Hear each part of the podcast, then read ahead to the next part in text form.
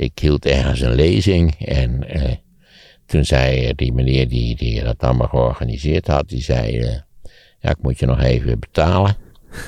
ik zei, nou dat kan. Eh, waarop die, ik bevond mij in zijn kantoortje, waarop hij zijn bureau opentrok en daar lag gewoon een gigantische stapel 50 euro biljetten. Daar graaide hij in, nietwaar. Het, het was eigenlijk een soort Dagobert Duck scène als het ware. Je weet, Dagobert die zwom ook door zijn geldpakhuis heen. Ja, en daar, daar pelde hij een zik briefjes uit en die betaalde die aan mij. En dan nam jij die in drie Albert Heijn tassen mee naar huis? Nou, ik moet zeggen dat, dat het waren geen tassen voor nodig. het verlossen, kunt u mij horen? Vind je deze podcast leuk? Vergeet je dan niet te abonneren. Druk op het plusje op Apple Podcast en volg ons op Spotify. Nou, we, hebben, we kunnen veel dingen bespreken. We hebben natuurlijk de uh, eerste ronde van de presidentsverkiezingen in Frankrijk. En dat grenst een beetje aan populisme, denk ik. Want die uh, Le Pen die staat op zich weer goed uh, als je de verhalen mag ja, geloven. Ja, het leek, erbij, het leek er wekenlang op dat Macron makkelijk ging winnen. En hij is natuurlijk, ik begreep dat hij eigenlijk maar één verkiezingsbijeenkomst had gehouden. En het zelf ook wel geloofde en beweerde dat hij ontzettend belangrijke dingen moest doen in verband met de Oekraïne. Uh, en hij is natuurlijk enorm verrast door de, door de inflatoren effecten van de afgelopen weken, waarbij die voedselprijzen enorm zijn opgelopen. Waarbij, waar grote groepen van personen ernstig last van hebben. Het zijn weliswaar bepaalde dingen die plotseling veel duurder worden. En daar heeft uh, Le Pen is daar had sowieso al een campagne die daar enigszins op gericht was. Nou ja, die spint daar garen bij nu. Met name in de buurten van het land waar mensen wonen met een laag inkomen, ja, lage opleiding. Denk ook aan die gele vestjes. Eh, dat hebben we, nou wanneer speelde dat? Twee, drie jaar geleden zo'n beetje. Eh, waarbij ook eigenlijk bleek dat grote delen van Frankrijk aan een, lijkt wel, structureel verarmingsproces onderhevig zijn. En dat, dat zie je overigens in heel Europa. Dat kleine kernen die verliezen bevolking. Mensen trekken weg naar de grote steden. In zo'n kleine kern verdwijnt dan meestal ook het, het voorzieningenniveau. Wordt schaler en schaler. En dat is voor de, voor de mensen die daar wel blijven wonen een probleem. Want die gele vestjes, dat startte volgens mij, als ik het maar, maar goed herinner, over de dieselprijs. Die was fors opgelopen. Ja. En die mensen zeiden, ja, wij zijn vaak gedwongen om op het platteland forse afstanden af te leggen om überhaupt te gaan werken of iets te gaan doen. En waar je een zaak die natuurlijk in de steden veel minder speelt, zeker in de grotere Franse steden. Uh, en die zijn toen, eh, nou ja, we hebben daar lang, langdurig hebben ze Macron geteisterd. Het structurele probleem is natuurlijk niet wezenlijk opgelost. Het is een probleem trouwens wat zich deels bijvoorbeeld zelfs in Nederland voordoet natuurlijk. Waar vooral de perifere gebieden van ons piepkleine land in feite toch leeglopen. Ik was laatst in Winschoten, daar is geloof ik nu de leegloop wel gestopt. Maar die heeft daar een, belangrijke rol gespeeld. Nou, dit is in Frankrijk een veel ernstiger probleem. Je kunt ook denken aan veel problemen van de DDR. Die eigenlijk worden geweten aan uh, de hereniging en alles, de frictie die daarmee samenhangt.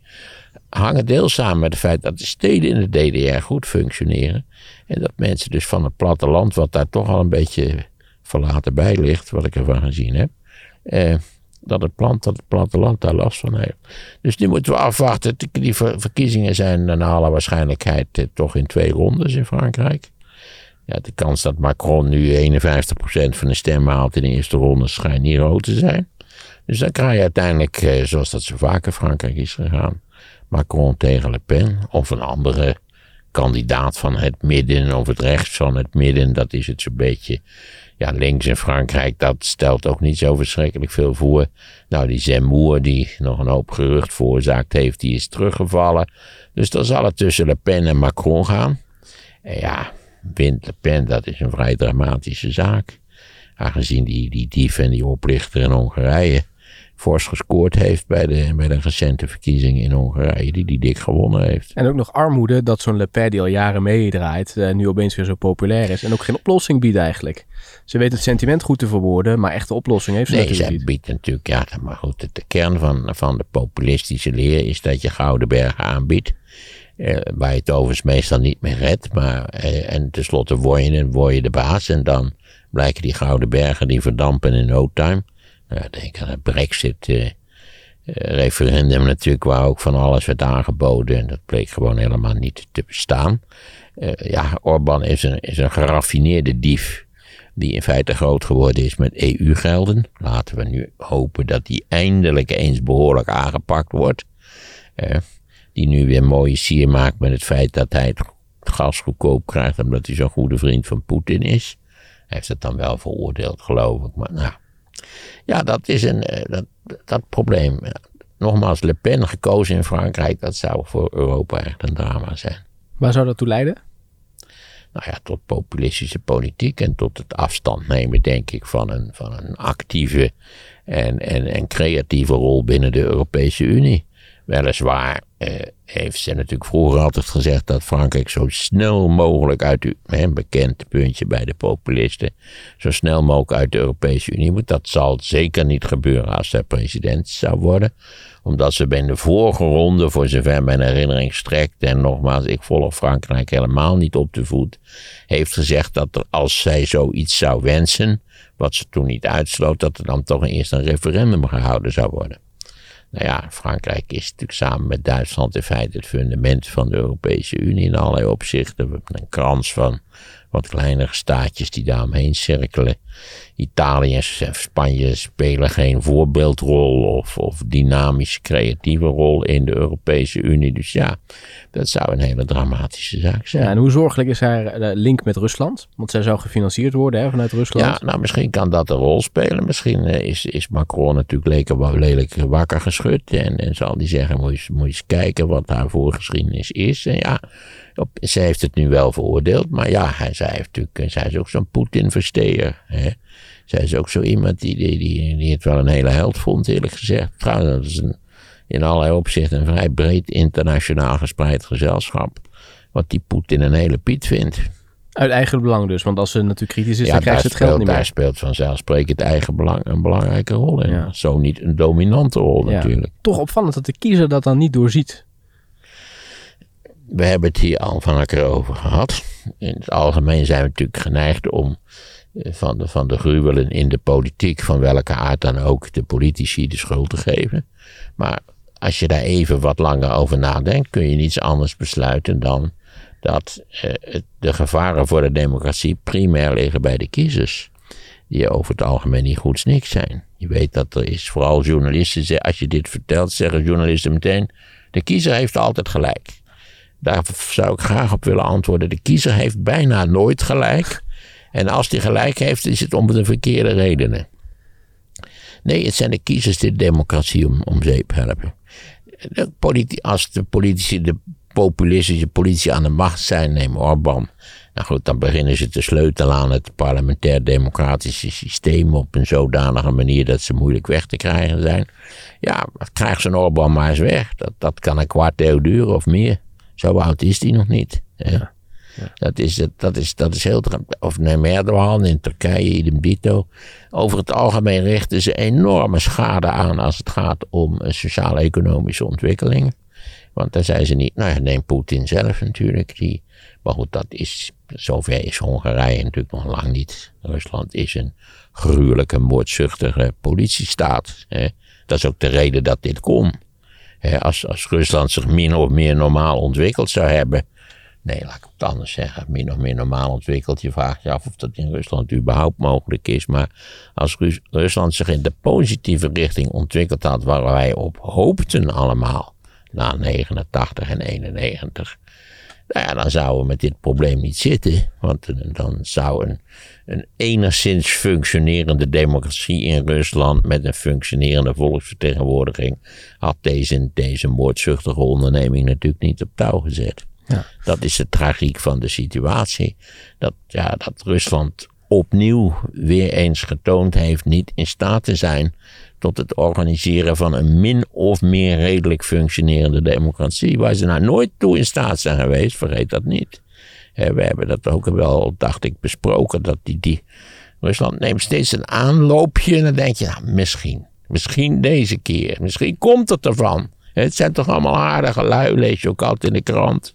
Russen, prima lui, hartelijk. Uh, je krijgt meteen een stukje worst aangeboden, zal ik maar zeggen.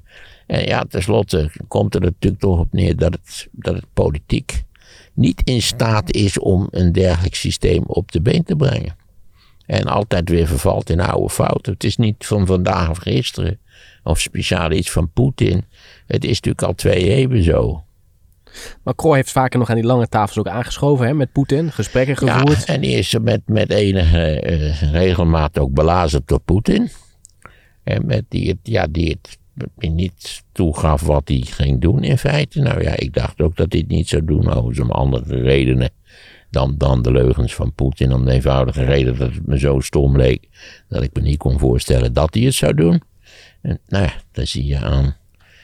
Probeer dat niet al te rationeel te analyseren, want dan zit je er in feite ook gegarandeerd naast. Het is uiteindelijk natuurlijk een emotioneel besluit. Het heeft te maken met met een emotioneel gevoel voor een groot Rusland. Waar Rusland recht op heeft, dat Rusland vernederd is, dat Rusland belazerd is. Nou, gaan ze maar door. Daar, daar komt deze onbeschrijfelijke ellende uit voort. Ja, en als je de beelden nu ziet, dan denk je, heeft maar één doel. Dat is de hele boel helemaal kapot maken. Van, van ja, mensen te in, in principe hoopt hij natuurlijk dat, dat uh, de wederpartij, uh, de Oekraïne in dit geval, zoals, ja, tenslotte de hoed in de ring zal gooien. Nee, de handdoek in de ring zal gooien. Eh, omdat ze willen dat de verwoestingen stoppen. Eh, daar zitten ze niet zo mee. Nou heeft Rusland ook op dat punt een, een aanzienlijke traditie. zijn geweldige verwoesters. Eh, in allerlei opzichten een betere verwoesters dan dat ze iets op weten te bouwen in allerlei opzichten.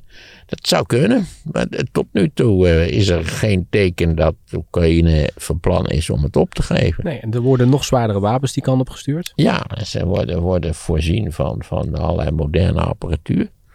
Uh, ook, ook tot op heden in ieder geval is natuurlijk gebleken dat, uh, dat die enorme uh, getalsmatige overmacht van de Russen als het aankomt op panzerwagens, tanks en maar dat soort dingen, eigenlijk geen dominante of beslissende rol heeft gespeeld. Die, die panzerwagens en die tanks blijken extreem kwetsbaar te zijn voor allerlei moderne, draagbare antitank-apparatuur. nu verplaatst het dus, zo lees ik in de krant, het, hele conflict zich in feite naar het uh, zuidoosten. En het is wel duidelijk wat, wat Poetin beoogt, lijkt mij, maar ook dat weet je niet 100% zeker. En je weet eigenlijk helemaal niks 100% zeker, daar komt het wel op neer. En dan zou het gaan om, om de, zou zeggen, die, die twee Donbass-republieken, die moeten dan uh, uitgebreid worden tot hun officiële grens in het land. Uh, en vanzelfsprekend een verbinding, vandaar dat eindeloze vechten over dat Mariupol, een directe verbinding met de Krim. Uh, waardoor, waardoor natuurlijk dat ook wat, uh, wat strategisch simpeler ligt. Want dan heb je de aansluiting met de zee. Ja, dat hebben ze nu ook wel, maar op een nogal moeizame manier in feite. Dat zou dan veel makkelijker zijn. Ja, maar wat zit er nou Mariupol is ook een vrij forse haven. Ja. Wat is nou de reden dat hij de, ook weer die raket op dat station, wat, waarom doet hij dat? Allemaal die burgerslachtoffers. Nou, dat doet hij natuurlijk niet persoonlijk, maar kennelijk de legerleiding die eh, vindt dat uh, uh, het, het, zou een belangrijk spoorwegknooppunt zijn. Het zou het laatste functionerende station ja, maar het is niet op in het, oosten zijn. nou ja, dat weet, je weet nooit precies waar het op gericht is. Nee, maar dan hebben deskundigen... zijn dat, dat MH17 was ook niet de bedoeling om het ding uit een toestel van de Malaysian Airways uit de lucht te schieten. Maar dat had andere bedoelingen. Nou, ze hebben naar de inhoud van de raket gekeken. De incompetentie bij de Russen denk ik nooit onderschatten hmm. als reden van bepaalde gebeurtenissen. Hmm. Ik weet het niet precies. Het kan ook zijn ze dachten weg van die klote vluchtelingen. Hè? Hmm. Ze moeten niet vluchten, ze moeten hier blijven. Ik heb geen idee. Nee. Wie, wie weet wat voor Russische generaal of ondercommandant dit soort van besluiten neemt. Ja, nou, er was een deskundige die had gekeken Het is denk ik niet zo dat Poetin opbelt zegt, ik zie die... Ik zie die plaatjes op CNN waar hij ook naar zit te kijken. Daar, daar staan allemaal mensen voor het station. Hè, daar in, in die stad. En, daar moeten we eens iets opschieten. Zo gaat het denk ik ook niet. Dus ik, ik, heb geen idee wat de precieze redenen zijn. Omdat je natuurlijk ook in de internationale publieke opinie weer hopeloos slecht scoort. Ja. het zet, zet, nog weer eens aan om, om extra wapens te leveren. Om, nou ja, hoe heet het? Ursula is op bezoek geweest in, Kiev en, en heeft daar een versnelde procedure aangekondigd. Of, ze daar, of die ook waargemaakt kan worden, is vers 2, aangezien tenslotte alle 27 leden geloof ik unaniem moeten beslissen voor toelating. Dus dat zou nog wel eens redelijk vertraagd kunnen raken. Maar ik vond dat ook daarmee uh, Rutte enigszins in zijn hem stond. Die laatste zo snel mogelijk zijn. Nou nee, het is zijn sympathieke lui. We zijn bereid van alles te doen. Maar nee, toch zo voorlopig geen lid van de Europese Unie. Het leek mij ook toen. Het lijkt mij ook nu. Ja, dat zal grote problemen geven. Maar pak nu door. nu, de, nu de kansen er zijn, de mogelijkheden, de, de ruimte er is. Is dat moeizaam? Ja, verrekte moeizaam. We hebben voor die Roemenen en die Bulgaren ook allerlei last gehad. En dit is natuurlijk een immens land met ruim 40 miljoen inwoners. Maar waarom zou je dat willen? Waarom zou je ze erbij willen? Omdat dit een goede kans is. Omdat het anders sowieso op de lange baan wordt geschoven en 25 jaar minimaal gaat duren. Ja, maar waarom zou je dat, die stap willen zetten nu? Want ze hebben heel duidelijk gezegd, we, we, we leveren wel wapens, Omdat, maar dat blijft. Dat ik al eens eerder heb uitgelegd dat naar mijn idee en, en mijn uh, ambitie, voor zover die een rol speelt natuurlijk. Ja, als je even naar de kaart kijkt, dan zie je dat, dat nou, Rusland is gewoon te groot om lid van de Unie te worden. Maar Wit-Rusland en uh, Oekraïne, vind ik, zijn, uh, ook als je naar de kaart kijkt, moet dat bij de EU getrokken worden. En de EU kan dat heel redelijk aan. Ze nogmaals zal en problemen geven en kosten met zich meebrengen. Dat spreekt vanzelf, maar die ambitie moet je nu hebben. En dan niet weer dat kale gedoe van Nederland. Altijd op het absolute minimum draaien. Moet vooral niks kosten. We zijn nu ook op dat sanctiebeleid. Staan we ook te kijken als, als zuinige prutsers. Eh, want daar zit natuurlijk ook daar zit meer achter dan incompetentie. Dat is kennelijk ook zo dat die, nou ja, dat die hele kwalijke, halfcriminele mondiale financiële industrie, waar wij ook van profiteren natuurlijk, dat, dat, ze, dat we dat wel fijn vinden. Mm. Ik vind ook dat, laat, ook dat die Kamer, die was natuurlijk hartstikke boos, maar blijf daar nou op hameren. Het was toch een treurige vertoning dat we daar nu ook weer onderaan de lijst bungelen dat, dat gebungel van Nederland onderaan lijsten, dat zou toch ook eens een keer. Wat voor lijst was dat? Dat was die lijst van de mate van waarin de sancties tot, uh, laten we zeggen, praktisch ook uh, tot stand zijn gekomen. Het heeft geen effect. Is, ja, ik, ik, begreep eigenlijk dat de, dat, dat, dat de Zuidas-industrie, hè, die ook altijd maar omhoog wordt geschreven, maar toch van een bijzonder dubieus karakter is, dat die daar een, een rol in speelt. Zo van, ook, ook dat op, op, allerlei bedrijven die natuurlijk door de sancties zijn getroffen. Ik begreep dat er al stapels verzoeken liggen voor uitzonderingsbepalingen. En kan het toch niet. En kunnen we niet toch zus of zo aan Rusland. Nou, enzovoort. En in de havens hoor je verhalen van mensen die zeggen die schepen gaan gewoon nog naar Rusland toe. Hoor. Dus het is allemaal nou mooie nou, woorden. precies. Dus laten we ook hier op dit punt nou eens niet zo'n beschamende rol spelen als. Nou, toch eigenlijk maar niet. Het kan geld kosten. Dat hebben we helemaal geen zin in. Nee, het gaat je ook wel wat kosten. Dit, dit hele verschrikkelijke avontuur kan, kan voor Europa enorm positief uitpakken. Maar daar moet je dus niet op de Ruttelijn gaan zitten. De Ruttelijn is voorzichtig, stapje voorzichtig voor stapje. Voorzichtig en vooral, het mag niets kosten. Ja, dames en heren, luisteraars, ik maak nu van die tellende bewegingen. Eh, in Nederland mag het vooral. Weet u waarom ook een groot deel van de bestuurlijke problemen in Nederland bestaat? Ook weer omdat het allemaal niks moest kosten. We moesten een kleine, slagvaardige, goedkope overheid hebben. Dat is een paar jaar geleden, dat is nu niet Dat meer. is al een paar jaar geleden, maar u ziet nu de kosten die het gevolg zijn van dat beleid. Nou, ik vind deze regering tot de heden ook niet bijster indrukwekkend. Ze strooien wel met miljarden. Dat nou, dat, het woord strooien is hier misschien wel op zijn plaats. Zou lollig zijn als we iets beter wisten hoe dat gaat, wie dat gaat controleren, waar de verantwoording voor die uitgaven liggen. Dat zou wel heel fijn zijn als dat zo was.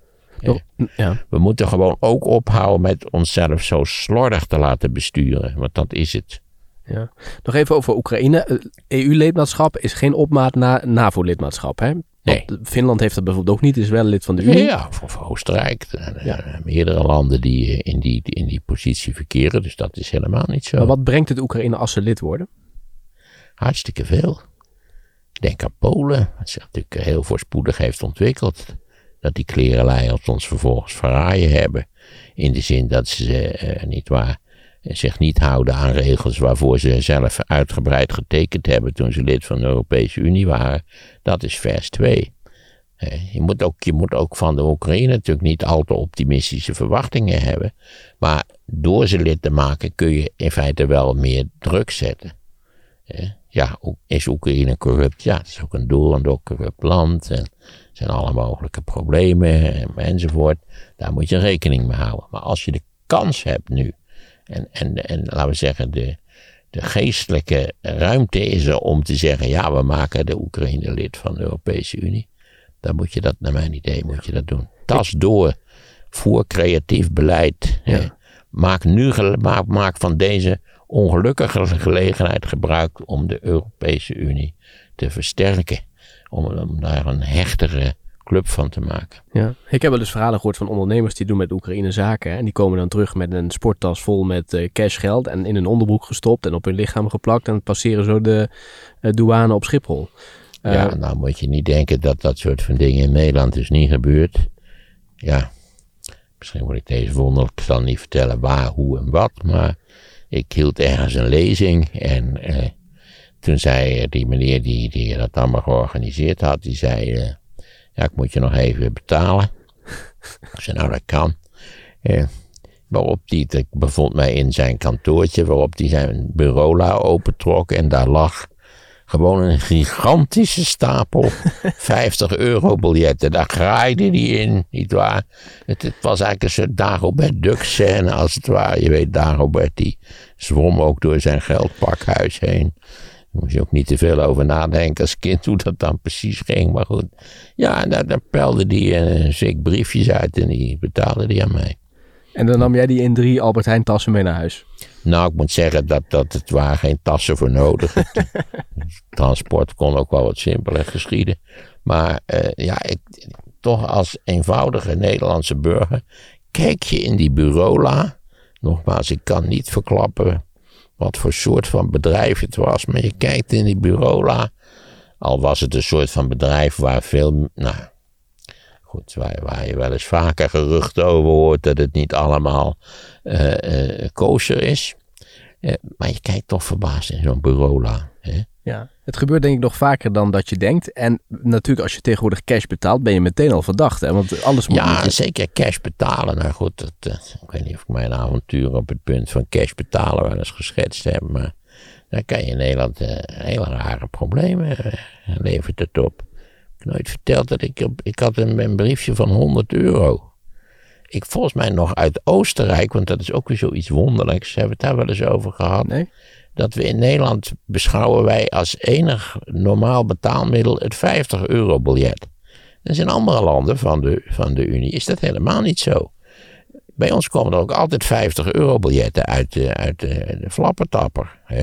Hoe heet dat ding? Tegenwoordig zo geel omrand. De geldmaat is dat. De geldmaat. Dat- ja, dat wist ik, ja. Wel, ik weet wat het is, maar ik, was, ik zou er niet opgekomen zijn. Met zo'n smileytje. Ja, altijd 50 euro eh, biljetten. En in Oostenrijk zijn het 100 euro biljetten. Die er overigens veel smakelijker uitzien, vind ik zelf. Dus ik had een 100 euro biljet. Niets vermoedend koop ik een tijdschriftje op het Centraal Station in Utrecht, waar ik nu al jaren niet meer geweest ben, maar toen kwam ik daar nog wel eens. Ik koop uit solidariteit als tijdschriftenmaker allerlei andere tijdschriften. Ik vind het wel leuk om tijdschriften in de trein te lezen natuurlijk. Zeker tijdschriften die je niet altijd koopt. Dus ik betaal die eh, jonge vrouw, die betaal ik met 100 euro. Waarop ze zegt, dat kan ik niet accepteren. Ik zeg, nou ja, kunt u niet accepteren. Dat is wettig betaalmiddel, sterker nog, staat erop. En eh, u bent verplicht om het aan te nemen. Als u het niet aanneemt, bent u, bent u in strijd, handelt u in strijd met de wet. Nou, eh, en toen zei ik, eh, nee, nee, nee, nee, ik begin, nee, nee, ik word al nerveus. Ik, ik begin er niet aan, nee, dat kan absoluut niet. Ik zei, nou ja, sorry, maar wilt u dan uw chef roepen? Want dan gaan we eens in gesprek over wat in Nederland wettig betaalmiddel is. En toen barstte ze in huilen uit. Dus toen heb ik het gewoon met, de met, de, met het betaalpasje betaald. Maar het geeft toch te denken. Ja. Ik, Ja. heb hier, ik moest, tenslotte heb ik het 100 euro biljet hier op de hoek bij de kruidenier, waar ze weten wie ik ben. Daar heb ik het ingewisseld. Om, in eh, kleinere eenheden. Nou, daar heb ik, toen, daar heb ik ermee betaald. Ik, Ja. ben, ik, ben, ik betaal vrij veel dingen met cash, omdat ik een, van, van mening ben dat die, dat hele beleid ook om dat cashgeld te laten verdwijnen. Daar ben ik geen voorstander van. Ja, alleen het negatieve puntje is dat criminelen ook met cashgeld betalen. Ja, maar dan. Oké, dat het gaat toch vooral over de 500 euro biljetten. Hè? Hoe was het ook alweer? Je kunt je rond je middel met, met het juiste plaksel, geloof ik, een miljoen euro op je, op je buik plakken. Dat valt dan niet op. Zeker in mijn geval zou dat niet opvallen, natuurlijk. Misschien kan ik er wel 2 miljoen plakken, wie zou het zeggen. Dat is mogelijk. Ja, ik, ik was, het was een heel wonderlijk avontuur. Dus daar blijkt dus uit dat een 100 euro biljet niet geaccepteerd wordt in Nederland. Wat knetter is, wat voorkomen knetter Er zitten is. toch van die stickers van Als dit het al een 500 euro biljet was, maar nee. Ja. Nee, er zijn vaak stickers wij aan, eh, accepteren niet enzovoort. Ja, het is heel wonderlijk, maar waar. Ja, nou, ik ging uit eten van de week in Utrecht en ik had ook eh, cashgeld bij me. En de, de- degene met wie ik was, die zei, hier heb je, eh, wat was het, 35 euro? Nee, nee, nee, hoef ik niet. Ik hoef geen cashgeld. Ik stuur wel een tikkie. Tikkie, daar ben ik ook tegen. Ik weet niet, heb je gezien hoe fraudegevoelig dat is? Hè? Ook dat al dat gedoe dat je met de telefoon moet betalen. We hebben in Nederland een prima, fantastisch werkend betalingssysteem. Met die pinpas. Waarom zou ik in godsnaam Apple nog eens een keer extra gaan, gaan betalen om dan met mijn telefoon te betalen? Is dat voor onzin? Nou, ja, wat je dus nu tegenwoordig kunt doen, als je dus moet verifiëren, normaal toets je je pincode. Maar nu kun je dus met je gezicht, kun je dus eh, bevestigen Ja, dat jij ja ik bent. weet er alles van. Ik heb ook zo'n bank-app. Ja, hè. en die scant dan je gezicht Ja. en dan maakt hij het over. Op dit moment kunt u helaas niet bij uw spaargeld. Hè? Nee, ik weet er alles van. Maar heb jij dat ingesteld dat hij jouw gezicht scant? Ja, natuurlijk. Dat, ja, je kunt ook dat nummer intypen wat je vroeger had. Ja. Maar goed. Ja. Ja, nee, hij, hij scant mijn gezicht. Want je weet dat met het mondkapje, eh, elke keer vergeet je het weer. Doet hij het dus niet. Nee. En nu schijnt Apple te werken aan software waarbij die ook de helft bovenkant van het gezicht herkent. Is toch wonderlijk hoe knap ze daar zijn. ja. Jongen, jongen, jongen. Ik zit ook, ik moet even... Oh, ik maak hem wel even open. Ja? Het water. Ik heb een sterke waterbehoefte bij dat gepraat. Zo. Je moet de dop er zelf even afdraaien. Je hebt dus ook met pin, de pincode weet ik dus niet meer. Ik was, moest laatst ergens moest ik met mijn bankpas betalen. Ik kwam dus niet meer op mijn pincode. En dan ben je ook meteen verdacht, hè? Ik heb een heel eenvoudige pincode. Kun je die zelf instellen? Die krijg je toch gewoon van de bank aangeleverd? Oh, op je pas. Ja, die kun je Ja. veranderen als je wil. Echt waar? Ja. Nou, dat moet ik misschien dan doen. Maar ik, eh, ik wist hem niet meer. En dan sta je daar en dan denk je, ja, en nu? Ja, dan sta je daar voor lul. Dat is zo klaar. En dan denken die mensen, dit klopt niet. Die pas is helemaal Ja. niet van de jongen. Ja, dat kan. Ja, nou ja, ze zou hem kunnen personaliseren door er een foto op te zetten. Ja. Maar ja, er staat ook een foto in mijn paspoort en je zegt, dat is dat niet die bekende chef van de Italiaanse maffia? Het lijkt geen spreek, totaal niet op mij, moet ik zeggen. Ja, maar ja, god, ik heb het alles, ik heb het deze week nog uitgelegd, dat ik een boekje had met al die passwords erin. ja, dat ligt boven op jouw eh eh, studeerkamer. Ja, Een echte stapel? Ik dacht dat ik het wel vertellen kon. En hoewel iemand ondertussen dan zei, dat moet je niet vertellen, joh. Maar hoezo klimmen ze dan eh, als, als gevelartiesten te- tegen de voorgevel aan? En, kunnen ze die schuif, klote schuifraampjes, die zo lekker als een mandje zijn voor de wind? Nee, dat gaat niet gebeuren.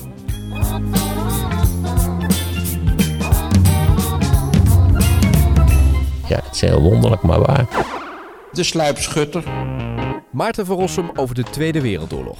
Dus iemand die zich handig verstopte en die elke vorm van beweging bij de tegenstander zou kunnen afstraffen. Download het luisterboek via de link in de beschrijving. En de Duitsers hebben ook het, de primeur gehad van het gebruik van gifgas.